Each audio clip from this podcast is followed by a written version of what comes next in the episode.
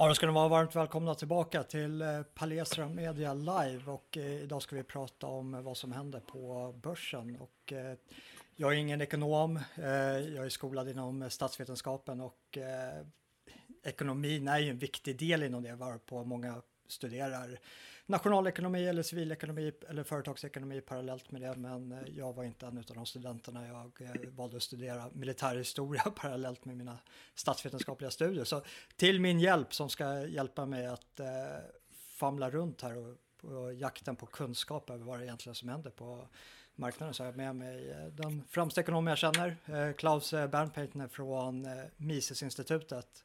Roligt att du vill komma och göra oss sällskap här på Palestran försöka få lite klarhet i vad det är som händer med, eh, med hedgefonderna och eh, det aktiespelet som just nu pågår. Mm. Hörs jag? Ja, du, du hörs bra. Eh, vi, vi, vi, vi, kom in i studion ganska sent så vi har inte hunnit göra några ljudtester eller någonting. Så ifall eh, ni i eh, livechatten uppfattar att ljudnivån är lite ojämn så får ni gärna skriva det så ska jag se om jag kan justera det i kontrollrummet. Eh, ska vi dyka direkt eh, in, in i kvällens ämne? Ja, varför inte? Ja. Eh, vill, vill, du, vill du ge en kort, kort recap över vad, vad är det som har hänt? Jag, jag, jag, jag, kan, jag kan bara få en, få en öppningsfras här. Jag har ju hört termer i form av blankningar, short sellings och det här var ju begrepp som jag nu först har läst mig på och försökt sätta mig in i, men det är nya begrepp för mig så jag kan tänka mig att det ganska nya begrepp för många i publiken också. Mm. Eh, jo, det här är ju... Eh, det är säkert en, del som, en hel del som känner till det här, men jag tar det, tar det från grunden i alla fall, tänkte jag. Eh, då är det så att normalt sett så köper man en... Om du går och köper en aktie så gör du det för att du tror att aktien ska gå upp i värde eller du ska få avkastning. Eh, men, men vi säger så här, du köper en aktie för att den, du tror den ska gå upp i värde. Och eh, man, kan också, man kan också handla med aktier när man tror att de ska gå ner i pris. Och det är det som kallas för blankning. Eh, och det gör man genom att man lånar aktier. Och det här sköter då din, din mäklare om. Så att istället för att du köper 100 GameStop så säger du sälj 100 GameStop och så har du ett, eh, ett saldo på minus 100 GameStop-aktier på ditt konto. Och hur det här går till då, rent praktiskt, det är att mäklaren har andra kunder som äger den här aktien. Och de aktierna säljs för dem, för din räkning. Och pengarna går in på ditt konto. Så finns det eh, ett, ett ja, avtalet är sånt att du vid någon något tillfälle i framtiden ska köpa tillbaks de här aktierna, lämna tillbaks dem till, eh, till den tidigare ägaren. Då. Och eh, eh, det här som sagt, det sköter du verkligen automatiskt, du behöver inte tänka på det. Du bara ser minus och sen så behöver du inte bry dig om att det har skett ett lån och försäljning och så vidare. Eh, och aktierna är sen i någon annans ägo helt enkelt.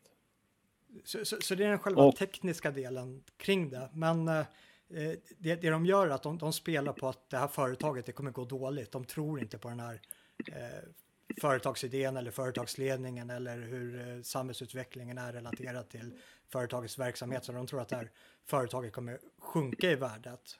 Så man spelar mot det. Precis. Om du, om du ser ett bolag som du tror är övervärderat. Då kan du blanka deras aktie.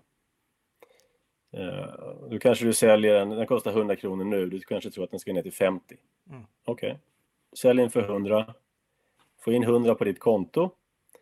Sen om en månad har den gått ner till 50. Du köper tillbaka den för 50 och lämnar tillbaka aktien. Du har, du har 50 kronor i vinst. Finns det någon samhällsnytta med, med det här med blankningen eller är, är det bara ett eh, cyniskt eh, kapitalistiskt spel för att eh, berika sig själv på no någon annans misslyckande? Nej då, det finns absolut samhällsnytta med det här. Jag kan komma in på det, jag ska ta några grejer till här först bara, så kommer det klarna. Eh, men det är i alla fall mekaniken bakom blankning. du, säljer en, du lånar en aktie och säljer den. Eh, och på samma sätt som en aktie är den har obegränsad uppsida. Du köper en aktie, den kan kosta, du köper den för 100, den kan kosta 10 miljoner om några år. Det finns liksom ingen, ingen övre gräns för vad den kan vara värd, teoretiskt. Och samtidigt så är ju då nersidan begränsad. Köper du den för 100 kronor så kan du maximalt förlora 100 kronor. Men du kan vinna hur mycket som helst. Om du blankar så är det precis tvärtom. Då är uppsidan begränsad. För köper du den för 100, eller blankar den för 100 kronor, då får du in 100 kronor på ditt konto. Sen är det bara en fråga om hur mycket det kostar att köpa tillbaks den. För det dras ju av då från det, det, det beloppet. Så att när du blankar då, och, och sen kan ju den, det kan ju gå åt fel håll, så den kan stiga i värde istället. Så du måste köpa tillbaka den för dyrare pengar. Det... Så på samma sätt som vinsten är obegränsad när du köper en aktie, så är förlusten obegränsad när du blankar en aktie. Och, och det är väl det som då har hänt nu med GameStop, att eh, den här aktien sjönk inte i pris utan den ökade i pris, vilket eh, kommer med en ja. oerhörd kostnad för dem som... Men de, de som arbetar med eh, de här short-sellingen eller blankningen, eh, då, då bör man vara ganska säker på att det här är en aktie som kommer att sjunka i värde. Eh, alltså du kan ju göra, du kan ju du kan ju sätta upp ett avtal med din mäklare och säga att du vill blanka. Då får du skriva på ett, ett blankningsavtal, ett kreditavtal. Sen om du bara öppnar ett vanligt aktiekonto på Nordnet eller Avanza eller vad det nu är, så, så får du liksom standard så har du inte möjlighet att blanka. Men om du fyller lite extra papper och sådär så kan du få blankningsmöjlighet, inga konstigheter. Eh, och det krävs då ett kreditavtal eller blankningsavtal därför att vad som kan hända är att du kan ju faktiskt, i och med att förlusten är obegränsad, så kan du hamna i skuld till din mäklare. Så du måste vara, skriva på då att du är medveten om det här. Därför krävs det lite specialavtal. Eh, och då kan man fråga sig varför det här tillåtet? Ja, frågan är varför inte? Eh, det, är liksom, det är en avtalsfråga. När du blir kund hos din mäklare, om du läser finstilt i den så kommer du se att det står där att de har rätt att låna ut dina aktier. Eh, och gillar man inte det så får man hitta en annan mäklare eller sätta aktierna på Värdepapperscentralen eller någonting. Men hur, hur eh, hitta en annan mäklare? Jag är inte alls insatt i det här och eh, jag, jag gissar att min allmänkunskap är, är i ungefär linje med övriga svenskar. Men är, det, det, är ganska standard då hos de här mäklarna att de kommer att kunna låna ut dina aktier som du äger. Ja, jag har inte, jag har inte liksom kollat in alla de här olika avtalen, men det här det är väldigt standard. Ja. Men att, för, för, vi bara tar, tar ett första litet sidospår. Eh, för, mm. för vi bortser från att eh, man spelar för att eh, ja, göra en vinst helt enkelt på, på ett företag som eh, kommer gå ner i värde. Vad, mm. vad, vad, vad, finns det för samhällsnytta med den här formen av eh, spekulationer? Jo, det ska vi klara. Då är det så att eh, företag är inte alltid vad de ser ut att vara. Precis som alla andra så vill de gärna framställa sig i bättre dagar än vad de kanske är. Man eh, skarvar lite grann och tjänar lite på sanningen och säger att saker och ting är bättre än vad de är. Eh, men alla vill behålla sitt jobb. Ledningen vill behålla sitt jobb och så vidare. Va? Eh, så vad gör då då finns det liksom aktivister på marknaden kan man säga. Eller du kan också göra som privatperson, men det finns sådana som ägnar sig åt det här på heltid. De går in i företag, snokar rätt på eh, varför det här företaget inte är så bra som det försöker se ut. Och så blankar man och sen sprider man den här informationen och hoppas att andra ska haka på och aktierna ska börja säljas och kursen trycks ner och man kan kamma hem en en vinst. Så att det är en typ av, eh, jag brukar kalla det för marknadshygien.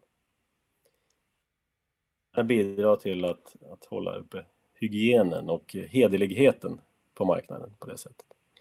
Och eh, du känner till historien med George Soros som sålde svenska det var ju i stort sett samma sak. Svenska politiker hade ju totalt misskött kronan och bluffade och ja, vanskötte svensk ekonomi. Och eh, George Soros såg det här Och, och blankade då den svenska kronan? Blankade svenska kronan. Han blankar egentligen Sverige kan man säga genom att han blankade svenska kronan. Och på det sättet så bidrog han till att avslöja politiskt bedrägeri. Uh, nu är inte jag liksom någon, någon, stor fan av George Soros, men jag bara förklarar att det han gjorde, det var ingenting uh, ondskefullt. Han, man kan inte blanka sönder en valuta om det inte är så att den är uh, liksom korrumperad det de gör är, de, de gör ju en, en gissning. Där de eh, gissar, eller de gör sin research. Och, så, och jag, enligt mina bedömningar så är den här övervärderad. Och de satsar pengar på det. Det kan ju misslyckas också. Så, så man kan se det nästan så, som så att... Det är, det är inte bara att säga så här, ja men nu ska jag sälja sönder svenska kronan och ställa till problem för Sverige. Det kan man ju inte göra. Det måste ju finnas någon substans i det här, annars förlorar du pengar på det. Så, så, när, det du gör när du blankar det är att du går, du går runt lite, du ruskar tag i en fasad och skakar och ser ifall det är någon spricka i fundamentet. Sparkar lite på däcken och ja, ja lite sådär. Ja. Och då, då är frågan så här, ja, och sen säger du så här, okej okay, jag vet något som inte andra vet. Nej. Och då är frågan så här, vems fel är det ifall huset rasar? Är det den som la en dålig grund eller är det den som var den som sparkade då på, på porten? Precis. Så jag, jag menar att det här är samhällsnyttigt. Mm. Eh, och egentligen är det inte direkt negativt för företaget. Man måste skilja på företaget och företagets aktie. Aktien ska återspegla någon typ av, eh, det ska återspegla företagets eh, intjäningspotential då, framtida vinster. Eh, så att bara för att du, aktien kostar mer eller mindre så har inte det någon direkt bäring på företagets verksamhet. Om du tjänar mer eller mindre pengar. Men en, det, det, det, kan påverka ett, det påverkar ett företags möjlighet att ge ut nya aktier för att ta in mer aktiekapital för nya projekt till exempel. Om, om man trycker ner aktiekursen så det, måste man ge ut flera aktier för att få in samma summa. Eh, om man vill starta upp en ny fabrik eller någonting sånt med nya pengar. Då. Så att ju högre värderad en aktie är, desto färre nya aktier behöver du ge ut för att få in mer aktiekapital om du behöver. Så att på det sättet så kan du ju då indirekt skada ett företag om man lyckas trycka ner kursen. Men inte direkt egentligen, operativt så, så finns det egentligen ingen koppling. För, för, för uppfattningen som, som jag har fått av det, det jag följt här med GameStop är ju att det, det, det verkar finnas eh, vad man kan kanske formulera som eh, en eh, folklig ilska mot de här hedgefonderna som har eh, eh, blankat många företag tidigare och eh, här får de ett tillfälle att eh, jabba mot, eh, mot makten, att eh, få dela med sig av sitt egna lidande mot, eh, mot de som, eh, vad de skulle då kanske mena på eh, har skadat den amerikanska ekonomin eller liksom de företagsekonomi som de här har blankat tidigare. Eh, hur, hur ser du på själva den, den här situationen? Alltså är, är, är, är det en kamp att... mellan Main Street och eh, mot Wall Street för man ska ta, ta det i de termerna? På sätt och vis kan man väl se det så om man vill. Därför att många av de här, om vi säger så här, om vi får ta kronologiskt vad som hände här då, så, så eh, var det ju så att den här GameStop-aktien, det är en aktie som gillas av gamers. Ja. Som företag så är det ju ganska illa däran. Tjänar inte direkt några pengar, eller det är inte mycket pengar. Och det, ja, det är väl konkursfärdigt. Eh, så vad som hände var att en aktivistblankare som, som heter eh, Citron Research, de går ju runt och letar efter blankningskandidater. Eh, och sen så tar de en, en så, så blankar de. Blankning kallas short också på engelska. Så det, en long position är om du köper en aktie, en, en short position om du blankar. Så att, om du undrar vad det ja. long och short betyder. Eh, men de letar efter blankningskandidater och så hittar de då den här eh, GameStop. Den har under lång tid legat runt 3 dollar per aktie.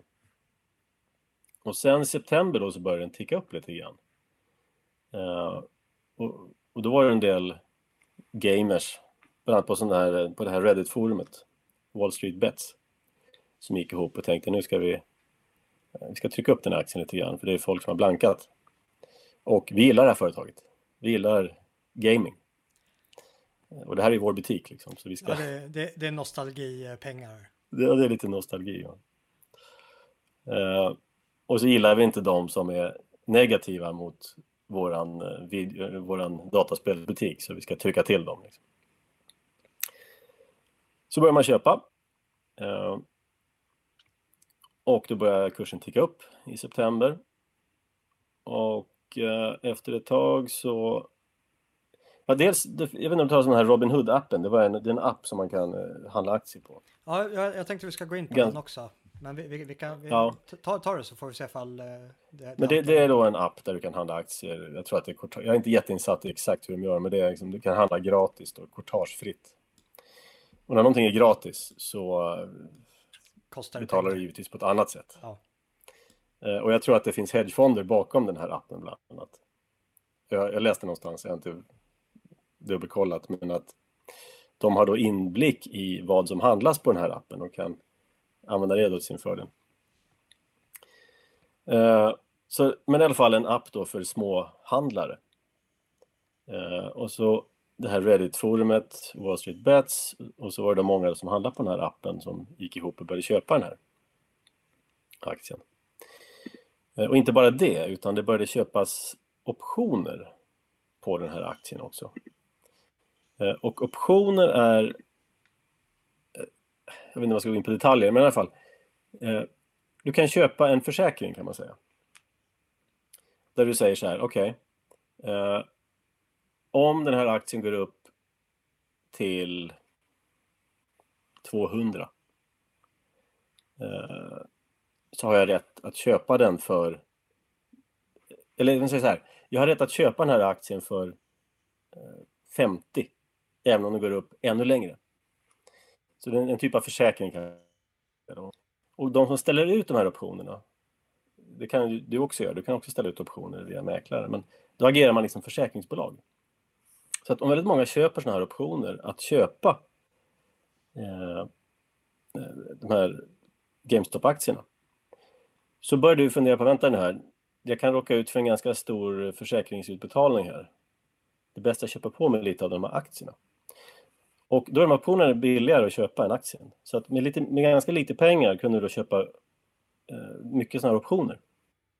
Och tvinga de som ställer ut optionerna att själva köpa aktierna för dyrare pengar. Så du kan få ganska mycket hävstång då på, på det här. Eh, och så att man både köpte aktier och köpte optioner. Eh, som då tvingade priset uppåt.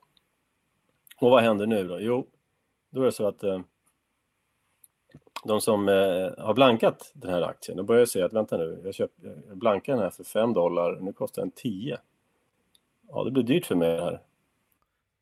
Eh, och så börjar man då försöka eh, liksom stänga de här positionerna och köpa aktier till förlust och sälja. Och när, och ju mer, och så, när man gör det, köper upp aktien, driver själv upp aktiekursen ytterligare. Och då är det flera som kommer in och säger, vänta, aktien stiger, jag måste också köpa. Och så plötsligt blir det då en rusning att köpa de här aktierna eh, för att eh, täcka då sina blankningspositioner. Och så blir det då som en, en, eh, en spiral av det här. Och eh, om du inte stänger din position och din, den, den, blir mer och mer negativ för priset stiger. Då kommer din mäklare ringa dig och utfärda ett så kallat margin call. Det betyder att du måste sätta in mer pengar för att täcka risken. Ja, så då är det bara att mata in pengar på sina konton, alltså reda pengar då, kontanter eller sälja andra aktier för att kunna täcka då det här. Eh, och det var inte bara den här aktien som man gav sig på, men det, var den, den, den, den, största då. Men jag läste någonstans att eh, eh det var uppåt förluster på 70 miljarder dollar som drabbade ungefär 5 000 olika hedgefonder eh, i de här blanknings... Eh, ja, i den här aktiviströrelsen eh, då. Så det är stora pengar. Och många som har drabbats då av hedgefonder. Så i alla fall, det, det kallas för en, en, short squeeze när folk försöker täcka sina blankningspositioner, köper aktier och själva då driver upp kursen och förvärrar situationen ytterligare. Så det är det vi såg här. Det var, inte, det var alltså dels att folk köpte aktier, folk köpte optioner, men dels också eftersom man började stänga positioner måste man ha aktierna och då driver man upp kursen ytterligare. Så att den gick ju upp um, ja, till, jag tror det var över 400 något tillfälle. Ja, jag, jag fick ju en graf utav det. Jag kan, ska, ska jag lägga upp den på? Ja, lägg upp den där. Oj, det var, det var fel. uh, ja, där hade vi den. Ja, precis. Där kan du ju se då hur den eh, tickar upp från... Eh, ja. Du ser den här linjen, den vertikala streckade linjen där den skär eh, grafen. Det står 21 januari där nere. Ja, precis. Eh, där kostade aktien 40 dollar. Och då gick en, eh, den här blankningsfirman, eh, Citron Research, eh, Andrew eh, Left heter han på den firman, det är hans firma. Han gick ut och sa okej, okay, den här aktien ska inte kosta 40 dollar, den ska kosta 20 dollar, vi blankar. Ja. Och då tog det ju riktig fart då bland alla aktivister. Och då tryckte de upp den här, du ser då hur den utvecklade sig sen. Ja, hela vägen upp till, till 482 dollar på ja, några dagar, två veckor. Precis, så det är över, det är över tio, gånger, tio gånger pengarna. Um, och då ringer ju telefonerna, då är det margin calls överallt. In med, nya, in med pengar då för att täcka risken för den här positionen. Och, och gör du inte det, det här är lite grann så här chicken race.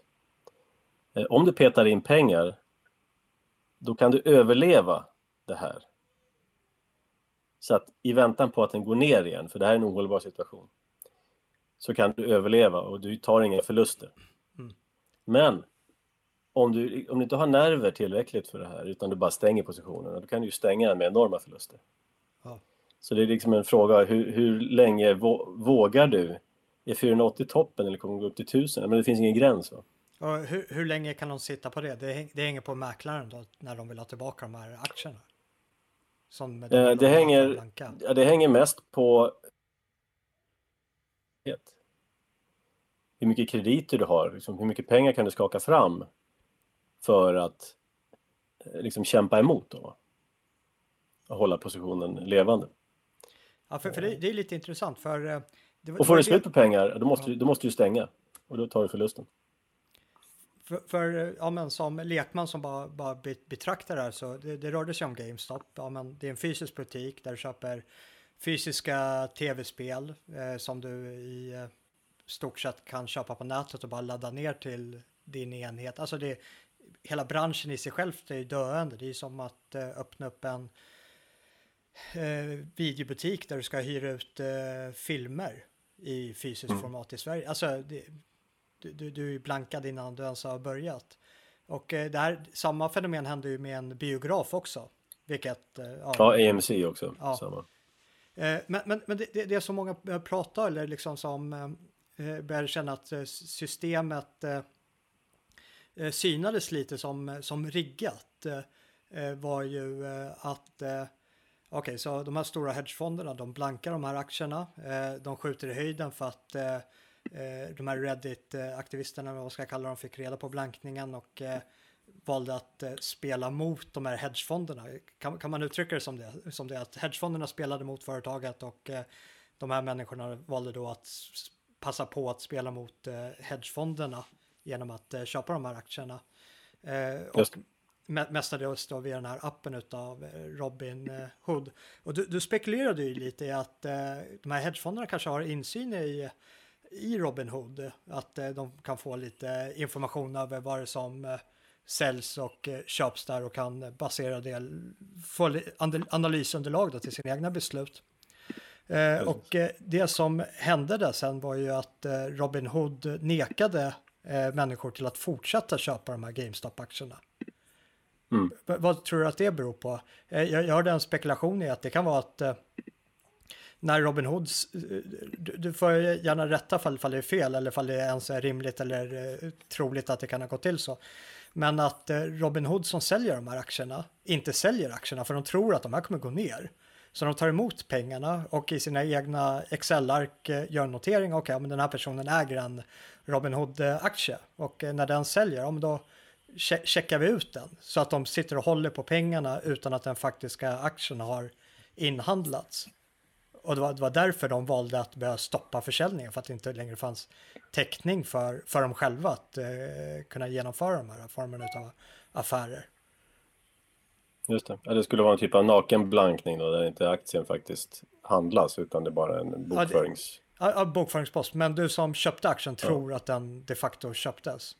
Och du ja. äger väl aktien i någon mening, i alla fall i anspråk till, till Robin Hood, även fast Robin Hood inte har lyft upp till den delen av avtalet. Att det är så. Men en sak som, eh, som hände, som till och med CNN rapporterade om, jag ska läsa här, att Robin Hood själva fick ett 3 miljarder dollars margin call av sina eh, gäldenärer. Eh, borgenärer eh, på torsdagen. I torsdags då. Och sen stängde de ner handeln av eh, GameStop och AMC då. Och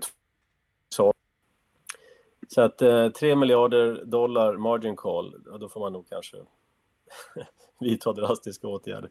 Men de har inte heller liksom, obegränsade... De lever ju också på kredit, så att säga. Ja. Så, så för det kom även vittnesmål om att Robinhood tvångssålde några av deras användares eh, eh, inköpta aktier på GameStop. Ja, just det. Precis. Det måste ju de göra. Precis som du kan tvångs tvingas sälja aktier om du har eh, en blankat mm. och inte lever upp till säkerhetskraven. Du ska ju ha i alla fall, tycker jag, 30% kapital utöver blankningen eh, som säkerhet. Och har du inte det så kommer din mäklare tvångssälja dina aktier. För att se till att du har den säkerheten. Ja. de vill inte sitta med skägget i brevlådan. Eh, det står också i det finstilta ja. i avtalet. Så att, eh. Eh, nu, nu, vet jag ju att du, du är libertariansk, eh, vilket eh, är eh, hållet som jag själv, själv befinner mig åt och vilket gör att jag saknar fullständigt förtroende för eh, såväl systemet och de människorna som sitter i eh, olika former av maktpositioner just på grund av att det mesta är antingen subventionerat eller reglerat av människor som Löfven, det är, eller Biden då i Amerika. Men är, Äh, ser du det som ett uttryck att, eh, att det finns en eh, riggning i systemet, att eh, de här människorna som sitter på de här positionerna eh, Föreställ dig att vi, vi har kommit överens om en viss uppsättning regler som vi alla spelar efter.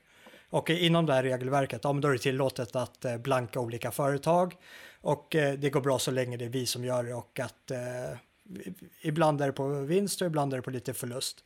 Men så fort det kommer en, eh, typ, vad man ska kalla det för en Black Swan event eller om det är bara en uppercut som de inte såg komma, så, så börjar de liksom skruva lite på de här reglerna, att man frångår det gängse normerna eller man kanske hänger sig till rena olagligheter, men att de är så pass stora så att eh, rättsväsendet inte kan eller förmår eller ens vill jaga efter de här.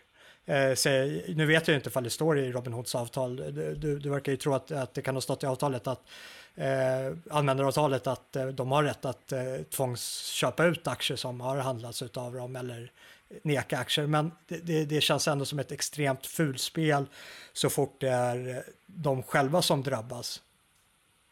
Har, har du någon läsning på det där? Bara eh, klargörande. I, I, I fallet att du blankar aktier ja. Och hamnar på minus så kan din mäklare sälja åt dig. Ja, men i det här fallet så tror jag att det var att de... Men i det här fallet så är det en annan sak. Du kan ligga i plus i din, i din uh, GameStop-aktie. Men din, din, din, mäklare är i trubbel och ja. säljer din aktie åt ja, dig. Exakt. Det, det, är en helt annan grej liksom. Uh, men jag är säker på att det står i avtalen att de får göra det. Det skulle inte förvåna mig. Ja. Det skulle förvåna mig om det inte gjorde det. För de, de har ju varit med förr. Så, så vad, Men om man säger här? så här. Ja. Uh, hedgefonder. Om jag ska ta någonting om vad hedgefonder är för någonting. Eh, hedgefonder är fonder som har mindre, de är mindre reglerade än till exempel aktiefonder eller ja, de, de är mycket hårdare reglerade för att de ska ju, det är ju det är Löfven som garanterar att du inte ska förlora dina pengar i en, en vanlig liksom, aktiefond eller en vanlig pensionsfond eller någonting sånt där. Han, han ställer ju krav på fonden att de ska uppföra sig på ett visst sätt, de ska investera på ett visst sätt så att du inte ska förlora pengar som undersåte. Hedgefonder, eh, de har inte samma... De får, eh, de får använda finansiella derivat, de får blanka, de får använda optioner, terminer, alla möjliga grejer. Så om, om man spelar dem rätt kan eh, ja, ska generera väldigt stora vinster. De här instrumenten är inte tillgängliga för vanliga fonder, för vanligt folk. Och i och med att hedgefonder då är mer riskabla och sådär så, är, så har de högre krav på dig som investerar i en hedgefond. Hedgefonder är inte tillgängliga för vanligt folk, utan det är bara de är bara tillgängliga för folk med väldigt mycket pengar. Så då kan man tycka att det är orättvist att de här hedgefonderna ska vara mindre hårt styrda av staten och ha möjlighet att tjäna pengar på ett sätt som eh, folkfonder inte kan göra. Så där kan det ju ligga ett, eh, liksom en vilja att trycka dit de här, den här orättvisan som man kan uppleva det som också. Eh, jag, jag, jag bara säga att det är 20 sekunders eh, fördröjning på, på det vi sänder till chatten och eh, jag är ensam i kontrollrummet. Jag försöker hänga med i, i chattrutan och har, har ni någonting relevant till ämnet så är det bara släng in det i chatten och så ska jag försöka få upp det och ta upp det till, till samtalet med, med Klaus också. Men ni får, får lite överseende, jag sitter ensam här. Eh, det, det, var någon som påpekade att DTCC, att det var, att det var de som eh, nekade Robin Hood att fortsätta sälja, eh, om jag förstod rätt. Och då är det väl DTCC som, eh, känner du till dem Klaus? Eller? Eh, det är, ska vi se, det är väl en det är väl en sån här firma som sysslar med infrastruktur för eh, jag är inte jätteinsatt i det hela, men det, det, det, är många spelare här och det är risk som fördelas på olika spelare och alla eh, avtal och hållhakar krokar på varandra för att det här ska funka då. Så att, det är möjligt. Ja. Men, men i alla fall så säger jag att Robin Hood kanske är Robin Hood och inte är sheriffen i Nottingham utan det var sheriffen i Nottingham då som är DTCC som sa till Robin Hood att ja, men ni har inte kredit för det här så ni måste, ni måste lösa det på något sätt. Eh, eh jag vet inte, men mycket av eh, saker som händer i samhället är ju också hur saker och ting uppfattas. Och eh, det, det, mm. finns ju en stark uppfattning kring till att eh, en misstro till systemet, säkerligen redan innan. Vi, vi har ju valet i närtid i Amerika där stora delar av den amerikanska befolkningen kände att eh, det, det, var ganska mycket saker som inte gick helt rätt till och det brast i transparensen och trovärdigheten är relativt låg liksom på många håll. Och sen hände en sån här sak. Eh, eh, hur, hur, tror du att det här kan påverka det, det ekonomiska systemet, alltså tilltron till, till aktier, att eh, hur eh, människor som väljer att investera i aktier kanske börjar söka sig bort från aktiemarknaden, söka till, sig till, eh, till andra store of values, eh, kanske fasta ädelmetaller som förr i tiden eller till kryptovalutor. Alltså kryptovalutor blir väl mer decentralisering än vad, vad aktiemarknaden är. Hur tror du sådana här händelser kommer att eh, påverka ja, dels tilltron till aktiemarknaden men också i förlängningen till eh, ja, men, andra alternativa sätt att eh, handla med valutor eller investera, med, investera i valutor, med valutor. Ja, en, en, sak som brukar hända då i sådana här situationer är att eh, det börjar komma krav på reglering. Ja, man ska inte få göra si, man ska inte få göra så. Det här är marknadsmanipulation och så vi måste göra en ny lag som förhindrar det här. Eh, nya regler. Och eh, det är egentligen helt onödigt.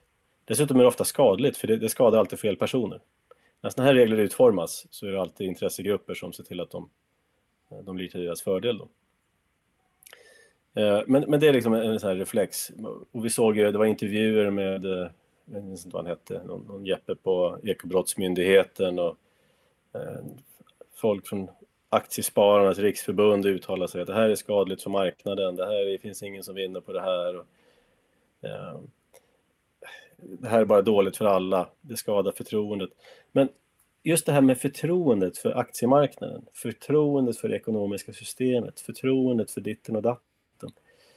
För mig så är det, det, det är nonsens.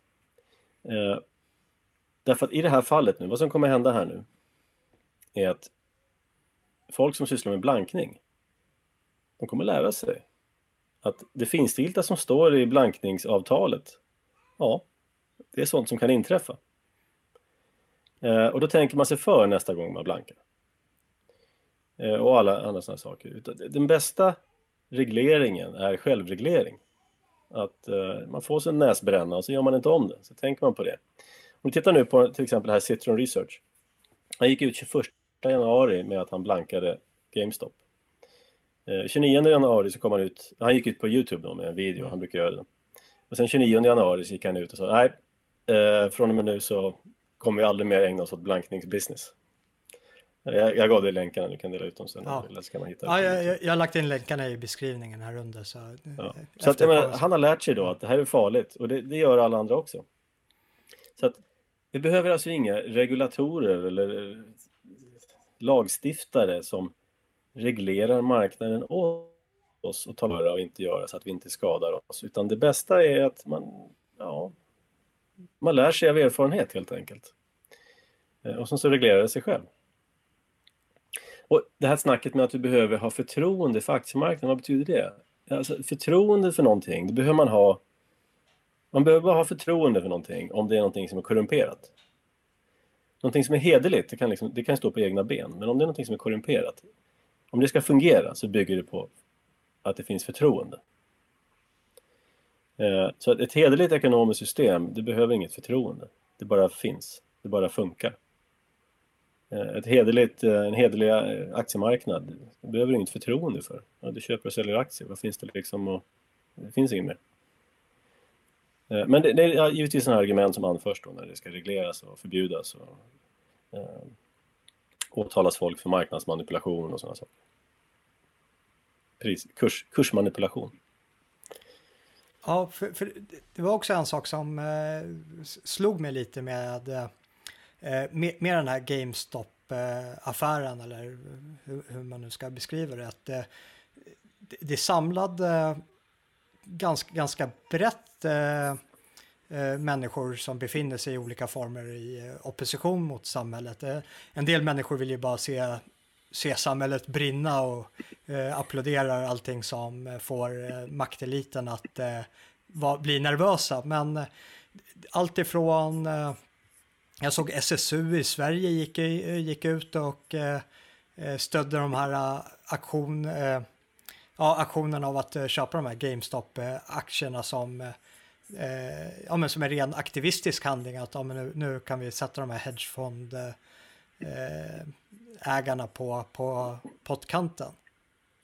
Och eh, samtidigt, eh, alltså vi har SSU på ena sidan och sen så hela spektrumet till, eh, nu Elon Musk eh, sa väl inte det uttryckligen, men eh, är man en stark eh, influencer inom näringslivet och har 44 miljoner följare på Twitter, det är bara att se när han ändrade eh, bara skrev bitcoin i en uppdatering så rusade bitcoin-valutan upp med eh, ifall det var 15-20 procent eh, på, på några timmar och sen så dök det ner igen då.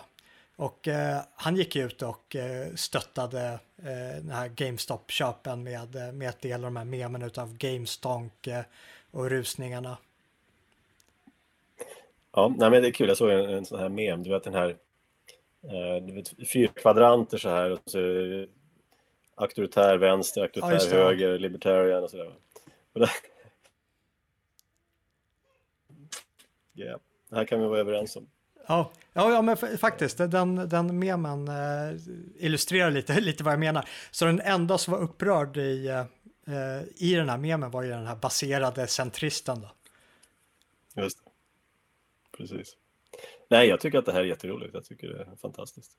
Jag stöder naturligtvis, jag stöder att man ska få blanka, jag stöder att man ska få ta den risken, jag stöder att man ska få köpa och sälja hur man vill, oreglerat. Eh, men jag stöder också att, eh, eh, fonder som specialbehandlas och bara görs tillgängliga för vissa utvalda med lag. Ehm, får lära sig minnesbeta också. Men eh, för, för vi breddar, jag, jag, tror vi kan släppa in eh, publiken lite också, så har, har, ni någon fråga som ni vill att jag ska ta upp här med Klaus så är det bara att skriva, jag ska hålla eh, ett litet extra öga på chatten. Men, men får vi bredda, bredda samtalet lite och eh, pratar eh, aktie, i alla fall vad kallar du long, long hold i motsats till shorts, alltså att man, man köper för, för den långtida investeringen. Eh, troligtvis för att man tror... Ja, man, man, man, går lång eller man går kort. Man ja. köper eller man blankar. Och eh, jag kan tänka mig... Lång att... betyder inte att du ska hålla det länge, det betyder bara att du äger aktien istället för att du lång. Ah, Okej, okay, okay, ja, jag förstår. Eh, men eh, fall, vi breddar ifrån eh, aktiemarknaden till eh, till ädelmetaller, till kryptovalutor, till, till att eh, store of values i form av eh, mark, fastigheter. Eh, hur, hur läser du situationen? Eh, idag, vi, vi har ju ett eh, fiat-valutasystem och eh, ja, vi, vi, vi dras ju med en ständig inflation där våra kronor blir mindre värda för de bara sitter och jäser på ett bankkonto och de lär ju, den takten lär ju öka med tanke på vad, vad det här senaste året har inneburit med, med liksom nytryckning av sedlar och hela den biten. Har du någon, några reflektioner där? Alltså kommer vi se en mer decentralisering av valutasystemet eh, bara ske organiskt över att eh, folk går över till eh, blockkedjorna? Alltså jag hoppas ju att det blir en decentralisering, men jag vet inte. Jag tycker det, det är mer... Jag tycker allting går åt fel håll. Det blir mer och mer centraliserat. Det talas om liksom världsvalutor, det talas om um, liksom globala finansmyndigheter, global beskattning, EU-beskattning. Um, ehm, så att det är givetvis inte en hållbar utveckling, men det, det, det är liksom... Ja, allt det här går åt fel håll. Uh, men jag hoppas att det finns sådana liksom gräsrotsrörelser där man helt enkelt bara loggar ur det systemet och kör med blockkedjeteknik, ehm, ädelmetaller, mark. Gör som Bill Gates, köp mark, fastigheter. Eh, de fattar ju naturligtvis vad som, vad som är på gång. Ja, ja, dels det. Sen de är ju drivande aktörer för ja, vad, vad den här globala ekonomiska forumet kallar för, för the great reset. Ja, precis.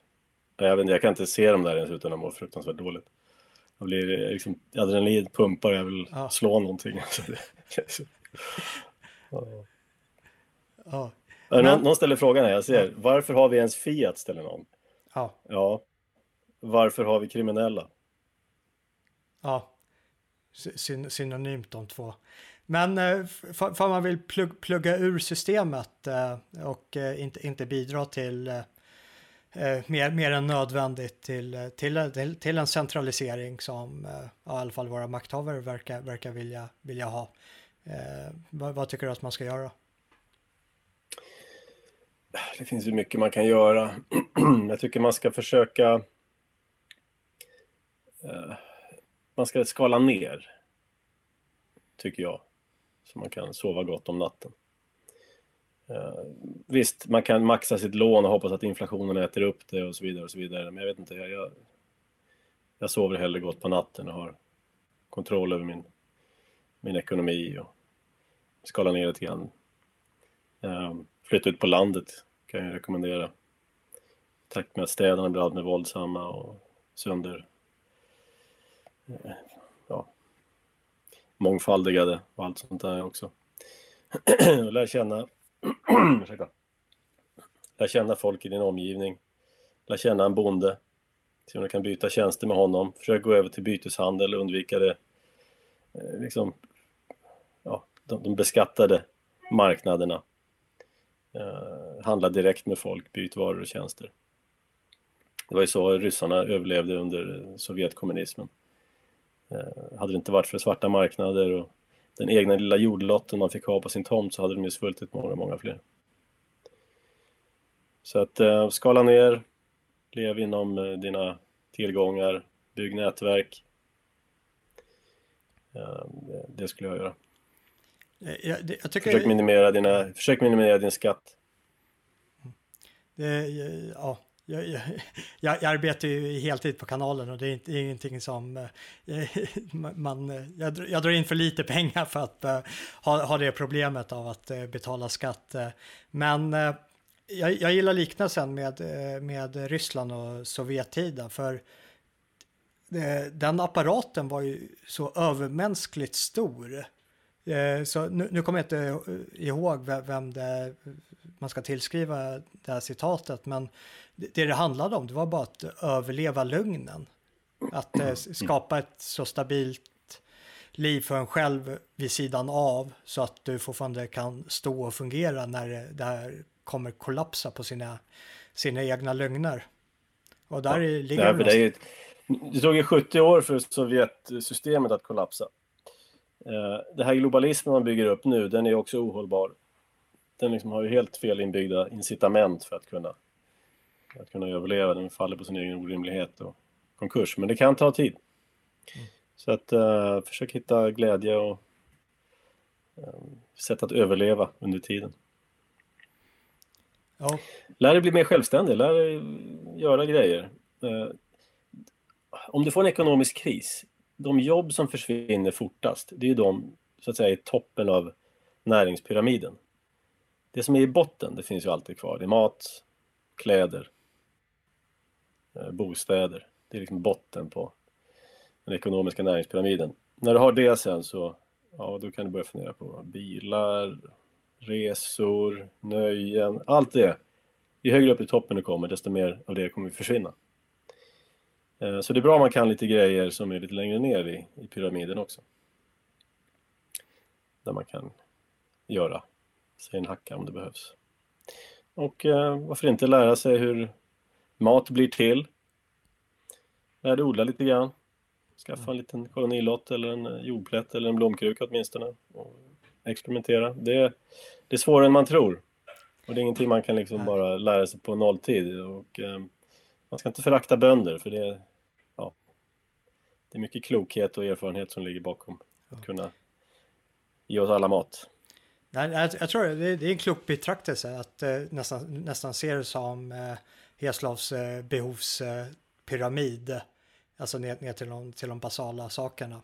Eh, jag, jag har ju själv flyttat ut till, till landet eh, när jag skaffade familj och jag, jag flyttade ju på grund av barn att det, det, det måste det, det, finns vissa miljöer som du själv som förälder inte kan rå över. En av dem är ju bland annat skolan och då, då, är det viktigt att komma bort från det där. Men nu när jag flyttat ut, alltså jag, jag ångrar att jag inte flyttade tidigare. Det är ju som balsam för själen att eh, gå ut och vara i, på landsbygden i förhållande till att vara i, eh, mm. i storstaden. Alltså jag, jag mår ju dåligt när jag åker tillbaka till, till Stockholm, vilket jag ibland måste göra. Med, ja, ja. Med, det, det sänker adrenalinnivån betydligt att gå ut, komma ut på landet. Ja, och det, det är så här, kon, kontrasterna till det blir, blir oerhört eh, tydliga, bara man får, får lite distans. Och sen just det här mm. att eh, gå tillbaka till att eh, ja, vi lever i en eh, industrialiserad tekno, teknologiålder där vi, där vi kan kommunicera så här. Vi kommunicerar på sociala medier och allting. Så, eh, man glömmer bort kanske de fysiska träffarna. Att, eh, eh vad är det som gör eh, livet värt att leva? Men det, är, det är faktiskt att vara med nära och kära och det är någonting som den här eh, pandemin har kommit som eh, förhoppningsvis en påminnelse till många är ju att eh, det räcker inte bara med att ha vänner på Facebook. Du måste ju ha folk runt omkring dig som bryr dig om dig och som du bryr dig om. Och eh, tillsammans mm. så kan man eh, lösa nästan vilka kriser som uppstår, men det krävs ju att man, man värnar de, de kontakterna och de nätverken som, som finns lokalt, som finns runt omkring en. För det, det är ju de som Precis. kommer hålla en trygg i slutändan. Ja, exakt. Landsbygden överlever alltid alla kriser. Alla krig och allting. Landsbygden överlever. Här faller inga bomber. Här gör man sin egen mat. Här byter man och hjälper varandra. Städerna däremot, de, ja, de ballar ur direkt. Och det blir upplopp och våldsamheter och plundring och sånt där. Det har du inte på landet på samma sätt. Nej. Ja, sen eh, finns, finns det en riktigt positiv sak eh, nu i, jag, jag är en vän av eh, teknologi såklart. Men fall, fall det är baksidan med teknologin att man kanske har isolerat oss i, i en ganska stor utsträckning. Sen så finns det ju många av de här sociala reformerna som infördes att eh, Eh, kvinnan ska stanna i hushållet för att eh, hon vill det inte för att hon är ekonomiskt tvungen till sin man att vara det varpå vi införde mycket av eh, de här försörjningsstödespolitiken på 60-talet fram, fram till idag. Men eh, det är ju att eh, du har ju eh, ett helt universitet eh, på nätet där du kan skola dig till, till att eh, lära dig odla det du behöver eller att eh, konstruera det du behöver. Det, det är ett mm. oerhört Nej, men tekniken är ju fantastisk på många sätt. Dels, man ska inte, visst, det är bra med, det är klart vi ska ha fysiskt eh, på samma sätt som alla pedofiler hittar varandra på nätet och bildar nätverk så kan ju vi sunda människor eh, också hitta varandra på nätet och bilda nätverk och se att vi inte är ensamma och samarbeta på olika sätt. Så att det är en enorm tillgång att vi kan kommunicera på det här sättet.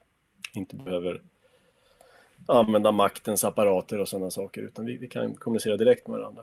Mm. Uh, så att uh, det är inte bara dåligt Nej. med det moderna, utan det är mycket, mycket bra också.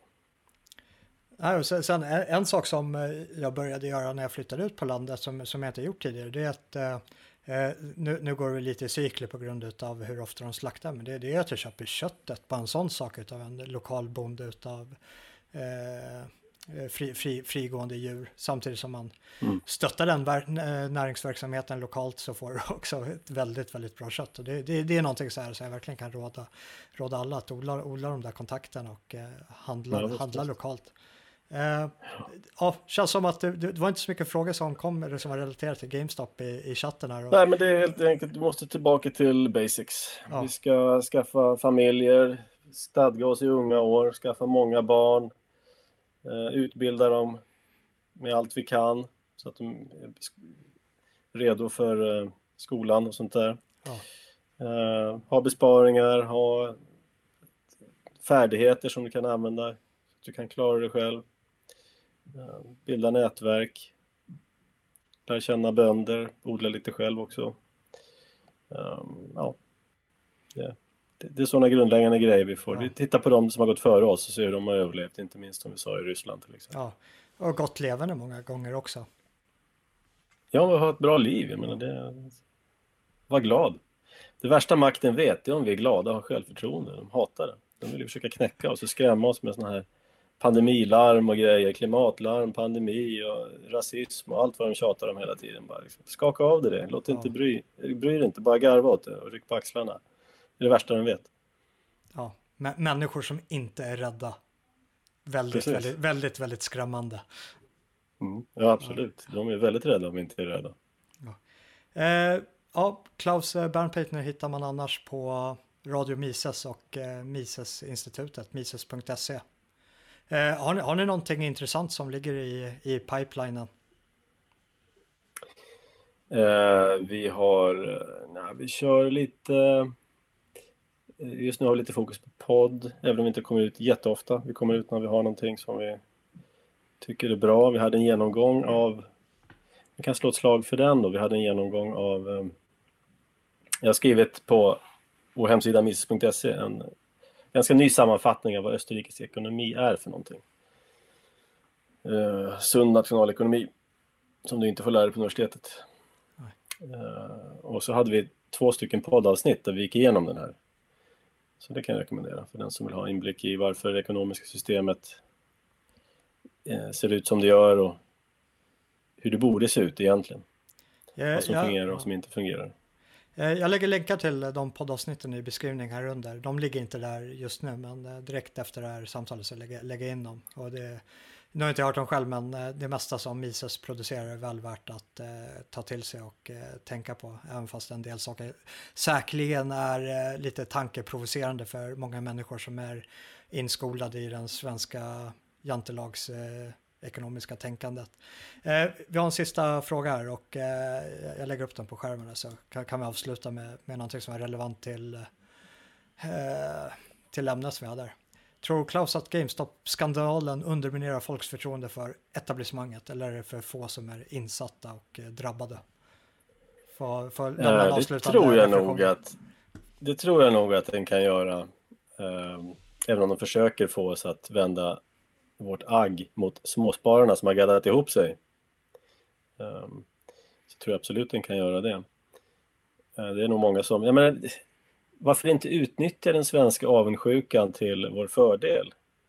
Ehm, jag tycker vi ska vända den mot etablissemanget som ordnade så fint för sig, och inte minst politikerna och deras löner och sånt. Låt oss vända avundsjukan till någonting positivt, till någonting konstruktivt. Ja. Så jag tror absolut det här kan få eh, återverkningar då på annat. Och det, det, är också, det finns ju, jag vet inte om du har sett den här bilden, det, det, är, ett, det är vid ett stup och så är det en, eh, en plattform som det står 100 personer på ena sidan av plattformen och på andra sidan av plattformen, den som sticker ut över stupet, så står det en politiker och talar. Um, och så står, brukar det stå så här, om folk ändå visste sin, eh, sin makt. Det vill säga om alla de här lämnar den här plattformen som de står på så kommer den tippa över och den här politruken ramla ner. Det här kan ju göra det göra så att folk inser att vänta nu, om vi, om vi gaddar ihop oss så kan vi faktiskt eh, göra livet surt för de onda. det, det, är väl lite det, det, som händer. Så att makt, ja. ja, makten är, fruktar ju människor som inte är rädda som vi sa, men den fruktar också folkmassor. Eh, därför att det finns ingenting som kan stoppa 10 000 arga människor som stormar en riksdag eller någonting sånt. Va? Det är helt omöjligt. Det finns, det finns inte så mycket poliser i Sverige, eller i alla fall i Stockholm, som kan hantera det. Det är därför man alltid vill reglera då hur vi får träffas och att vi inte får träffas när det är corona, max åtta personer, måste ha tillstånd för att demonstrera och så vidare. Den är livrädd för eh, när undersåtarna gaddar ihop sig. Eh, och det här är ett exempel på att det fungerar att gadda ihop sig. Så att jag hoppas att eh, det här sprider sig till andra delar av samhället. Ja. Nej, det, det, finns ju en enorm kraft i att eh, sluta samman människor och eh, bara föreställ er dystopin där eh, corona används som förevändning till att människor inte ska kunna gå ut att eh, visa sitt missnöje utan de är utlämnade till att visa sitt missnöje på olika former av sociala medieplattformar som kontrolleras per proxy av eh, våra makthavare. Där de kan ändra bakom kulisserna algoritmerna och bara, men kolla här, alla är ju tillfreds. Och så är mm. censurlocket på med, med alla som är eh, kritiker. Och eh, är det ingen som kommer till tals så är alla Det var ju en sån här globalistisk eh, enkät man gjorde om hur många som var rädda för klimathotet. Det var så här 65 procent av hela världens befolkning, inklusive alla afrikaner och ja. europeer. Liksom. Total nonsens, men sånt där tror ju folk på. Liksom, då. Ja. Ja, det, det, det är riktigt ja. hemskt. Det är så här speciellt för ja. unga tjejer som borde spendera eh, sina, sina år när de eh, är, är, kommer, kommer upp i vuxenlivet och eh, borde ta för sig för att eh, bilda familj. Och så mm. väljer de att inte göra det för att de eh, är rädda för något abstrakt klimathot. Förstå, förstå bitterheten hos de där eh, tjejerna när de växer upp och skaffar sina katter när de är 40 plus och inte har några barn och sen eh, predika för nästa generations unga tjejer för att de vill dela sitt lidande med andra om förträffligheten med feminism och det kommande klimathotet. Ja, det, det, liksom det vi behöver i det här landet är en det är inte ett nytt parti, utan vi behöver liksom en, en rörelse, en helt nya värderingar. Vi behöver liksom återgång till sunda värderingar, det är det som behövs. Och har vi sunda värderingar, ja då går vi inte på det här tramset.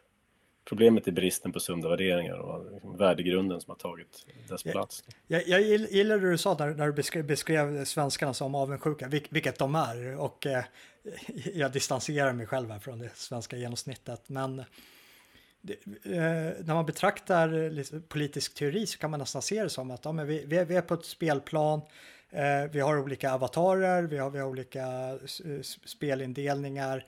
Säg att vi spelar Warcraft, vi har, vi har människorna då, som kanske är svenskarna som sitter på eh, sina karaktärsdrag varav eh, ett är den här extrema avundsjukan och så kanske vi har ett, säg ett orklag där borta som eh, sitter på kanske lite mer eh, impulsdrivna så här, spel, spelanlag och då gäller det att man får ju spela på de eh, egenskaper som den egna gruppen har och försöka applicera det på ett sätt som gör att eh, det krackelerar för, för den andra parten.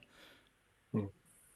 Så ja, jag håller med dig, får, får rikta den här, försöka kanalisera den här avundsjukan åt, eh, åt rätt håll och få någonting i rörelse. Ja, men de vill gärna att vi ska kanalisera den mot varandra. Va? De vill ju söndra och härska, men vi ska kanalisera den uppåt istället. Ja. Och, men ja, ett avslutande ord där. Är, är det det vi ser här med GameStop? Är det, är det en kanaliserad avundsjuka som eh, sparkar lite mot makten? Jag tror det. Jag tror det faktiskt. Det är ett finger. Ja, all right. Ja, tack så mycket för att du, du kom och gästade oss. Du, du är alltid varmt välkommen och eh, för eh, er som tittar och vill eh, höra mer av Klaus Bertman eh, så finns han på Radio Misas och ni hittar kanalen i länken beskrivningen här under. Jag lägger till den så fort som vi avslutar samtalet. Annars är det på misas.se. På återseende. Vi ses.